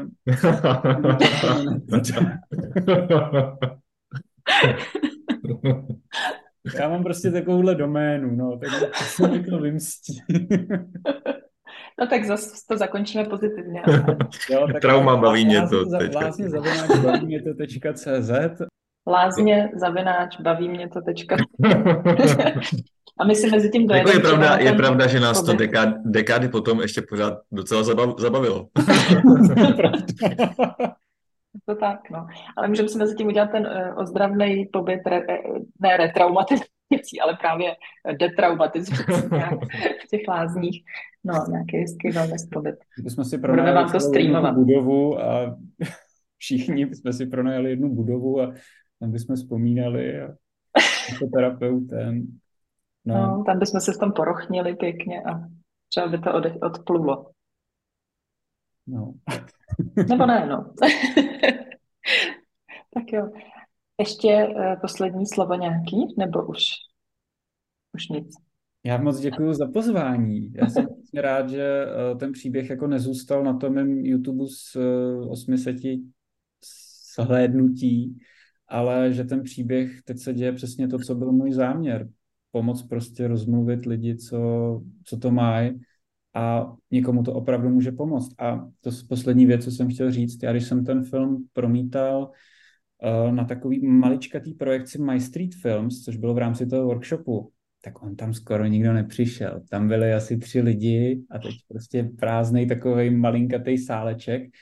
Ale o to to bylo vlastně cenější, protože se tam promítly ty filmy všechny a já jsem byl jediný, jediná jako delegace za film a tak jsem o tom filmu vyprávěl. Vyprávěl jsem o tom, že jsem díky uh, těm věcem vlastně i začal o té své psychice mluvit, uh, že, že mi přijde jako v pohodě uh, destigmatizovat psychologii, psychiatrii, že na tom nic špatného není. A to, co pro mě bylo obrovsky silný, když potom jeden z těch diváků, z těch tří diváků, za mnou potom přišel soukromně a říkal mi, uh, heleďte, vy jste mi teď ukázal, že úplně v pohodě o těch věcech mluvit. Já jsem si uvědomil, že mám strašný traumata z dětství a nikdy jsem nevěděl, jestli to s někým řešit nebo to někomu říct. Nevím, jestli to souviselo s lázněma, ale jenom to, že viděl, že lze o tom mluvit, tak pro ně bylo strašně úlevný. A to si myslím, že je něco, co jako je posláním vlastně toho filmu a tím se naplnila ten, ta, ten důvod, proč vlastně ten film vůbec měl zvykn, eh, vzniknout. Že to někomu prostě mohlo otevřít zase cestu dál trošku. Takže to je za mě. Já tu svoji práci vnímám vlastně stejně. Hmm. Takže to je skvělé. Jirko, ty vlastně taky. Jo, myslím, že tuhle tečku už netrumfneme. tak jo, tak vám moc děkuji za rozhovor, děkuji, že jste přišli, že jste povídali a těším se na náš společný ozdravný pobyt třeba. tak jo, tak lázně zavináč baví mě to tečka tak jo, taky díky moc. Díky, mějte se. Taky díky, děkuji. Ahoj.